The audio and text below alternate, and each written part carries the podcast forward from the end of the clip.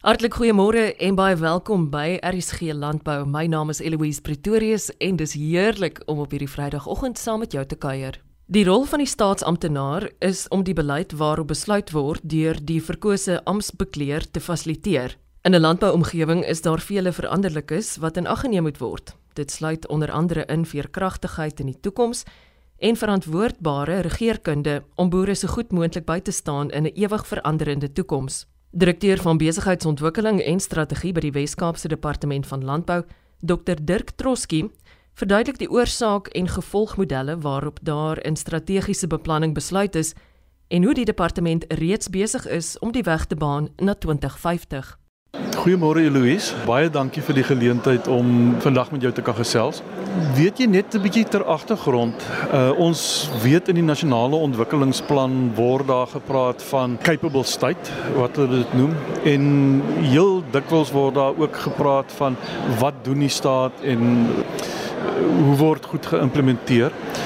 En hierso in die middel van COVID-19 het ons ook 'n ondersoek gedoen na die langtermyn toekoms van landbou in die Wes-Kaap en wat ons vir, vir hulle gevra het die die navorsers wat die projek gedoen het, jy weet wat kan ons in die in die Wes-Kaap departement van landbou doen en in die provinsie om oor die volgende 30 jaar die landbou so te rig dat ons hierdie groot ontwrigting en die toekoms wat dit geskep het in die oë kan kyk en positief kan groei en veerkragtig kan wees in die proses.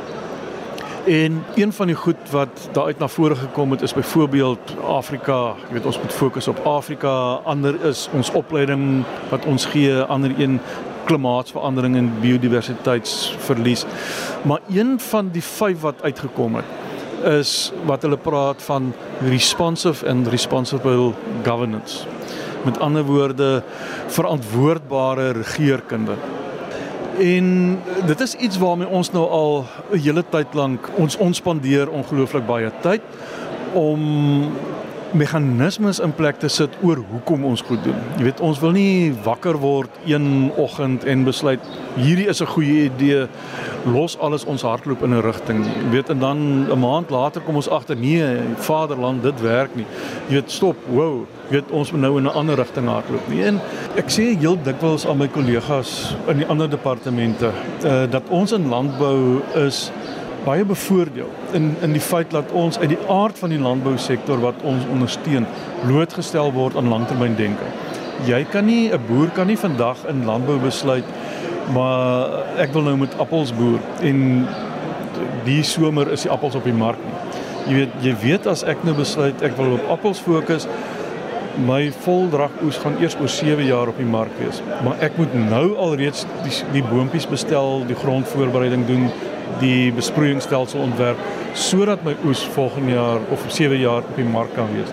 Ek kan nie volgende jaar kom en sê o vader nee, ek wil nie meer met appels boer nie. Dit is nou tafeldrywe. En die jaar daarna pluk als uit en gaan blou bessies.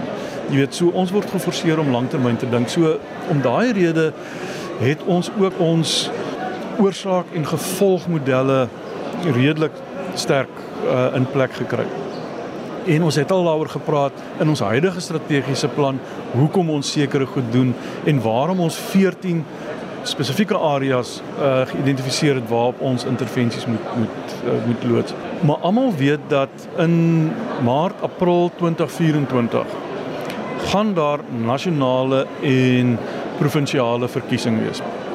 En wat ons nou tydens ons strategiese sessie in Julie vanjaar het ons nou konsensus gekry oor wat moet ons nou al reeds begin doen om dan in na 2024 ons nuwe strategiese plan te ont, uh, te ontwikkel. So wat hoe die hoe die stelsel werk is onthou ons is uh, professionele staatsamptenare wat ons doen is ons implementeer die beleid wat deur die verkose amptbekleers op die tafel gesit word.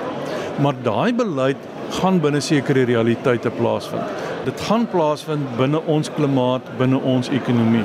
So as ons in 2024 na die verkiesing moet ons dan nou daai beleid van die verkose regering, dit mag of mag nie dieselfde party wees nie. Onthou dit, dit mag of mag nie dieselfde party wees nie, maar dit is 'n nuwe regering. En daai nuwe regering wil hy, gaan hulle beleidsprioriteite op die tafel sit na aanleiding van die mandaat wat hulle van die kiesers gekry het uh, tydens verkiesing in 2024. Ons gaan dan basies 'n jaar hê om ons nuwe strategiese plan op die tafel te sit en dan van daai nuwe strategiese plan dan nou sekere uh, doelwitte uh, uh, jaarlikse planne te ontwikkel en so voort. Nou die verwagting is dan nou dat ons in Maart Maart April 2025 sal ons ons nuwe strategiese plan uh, in die provinsiale parlement moet ter tafel lê. Dit is ons teikendatum. So wat doen ons nou? Wag ons nou tot 24 of begin ons nou beplan? So wat ons nou al gedoen het is in in hierdie stadium het ons nou ons 'n baie aktiewe evalueringsprogram en in in hierdie stadium het ons nou al 20 evaluasies gedoen. Byvoorbeeld, ons het een gedoen oor klimaatsverandering. Ons het een gedoen oor die post-COVID-19 toekoms van landbou. Ons het een gedoen oor die toekoms van landbou in Aride area. So daar's 20 dokumente wat al reeds op die tafel is. Ons het in die afgelope jaar het ons 8 addisionele navorsingsprojekte voltooi en ons is in hierdie jaar is ons besig om 4 te voltooi. Die een daarvan is uh ons het byvoorbeeld die Afrika strategie op die tafel gesit. Ons gekyk na ons eie reaksie na na COVID-19. Uh ons het 'n uh, area spesifieke plan oor die keerbooms, groter keerboomsproduksiegebied het ons gedoen. So die dit is die beplanning wat ons uh, tans besig is om te doen. Nou ons het nou in volgende jaar uh 2023 24 finansiële jaar wil ons vyf addisionele projekte op die tafel sit. Die een daarvan is om te kyk na wat is die behoeftes van ons boere. Ons weet dat ons kliënte wat ons bedien wissel van iemand met 'n groentetuin in hulle agterplaas tot die Detoy groep wat basiese internasionale maatskappy is. Nou as een van ons voorligters by iemand met 'n groentetuin aankom en sê hoorie so man, ek het vir jou voorstel oor jou besproeiingsstelsel, gaan daai persoon baie dankbaar wees. Maar as daai selfe voorligtingsbeampte by die tooi groep aankom en sê hoorie so man, ons wil 'n bietjie vir jou voorstel wat jy met jou besproeiingsstelsel moet maak, dan dan uh dink ek die uh, en ek wil nie lelik wees met die tooi groep nie, maar ek dink hulle kry hulle inligting uit 'n ander bron uit. So dit met ons beperkte hulpbronne moet ons dan baie seker maak ons verskillende kliëntegroepe dat ons die regte advies en die regte intervensie op daai vlak het. En moenie 'n fout maak nie, die twee groepe het, het ook sekere behoeftes wat ons kan voel uh so dit is een van die goed wat ons dan moet doen is wat is die diensbehoeftes van hierdie verskillende vlakke boere?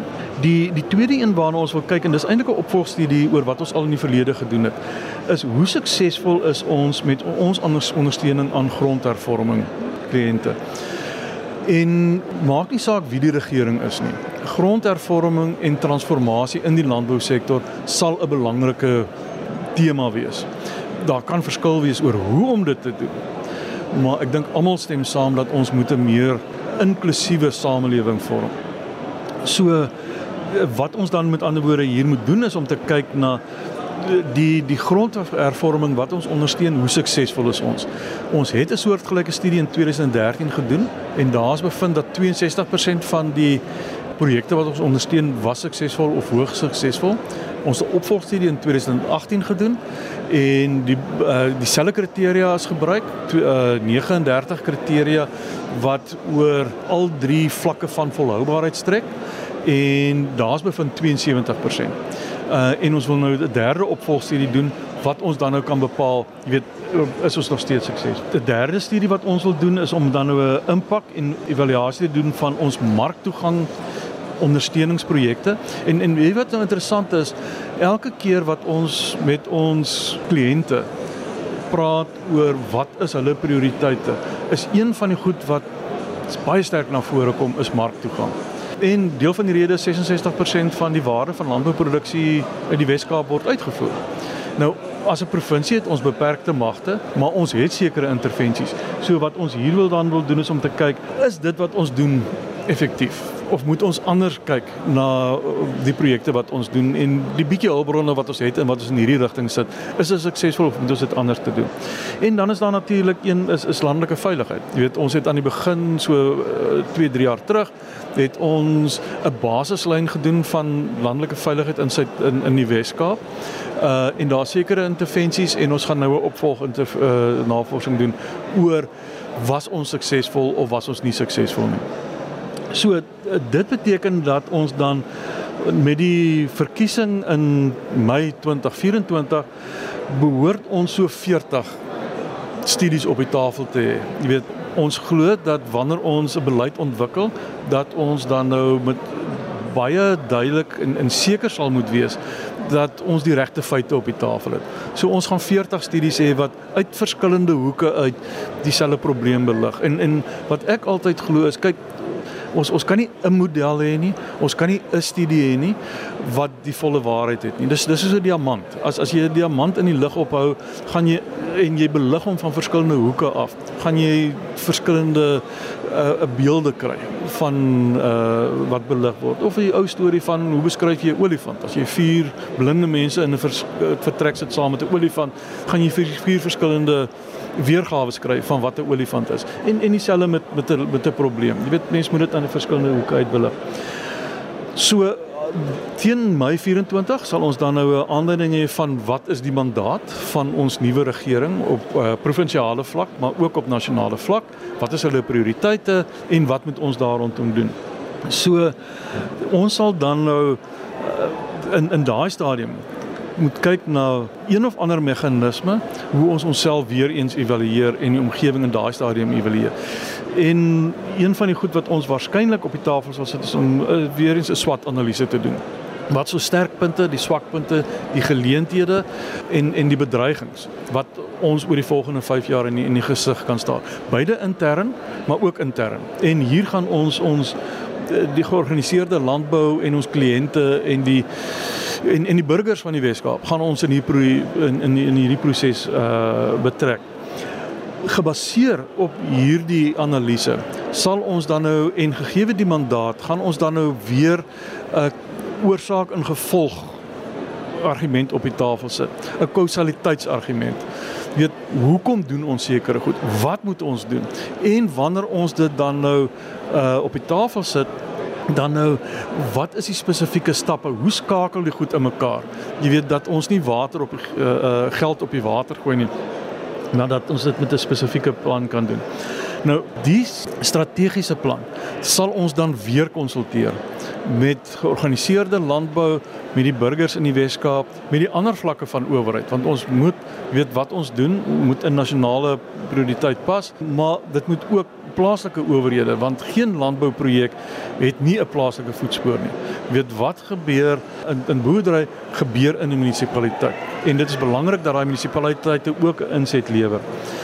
So en gebaseer dan hierop sal ons dan sekere projekte loods en ons sal dan nou in per jaar dan ook vir ons sekere teikens stel argumente onthaalwe. Kom ons aanvaar ons voorligtings moet besoeke aan boere bring. Dan sal ons dan nou per jaar sê maar okay, in hierdie jaar gaan daar soveel boere besoek word of ons veeartse moet uh, uitvoerpermitte uh, uitreik. Per jaar gaan daar soveel uitvoerpermitte uitgereik word en dan nou ook dit word afgebreek na kwartale toe al hierdie dokumente is die idee dan dat dit dan nou in Maart uh, Maart 25 2025 ter tafel gelê en dit sal dan nou ons strategiese plan vir die volgende 5 jaar daarna wees.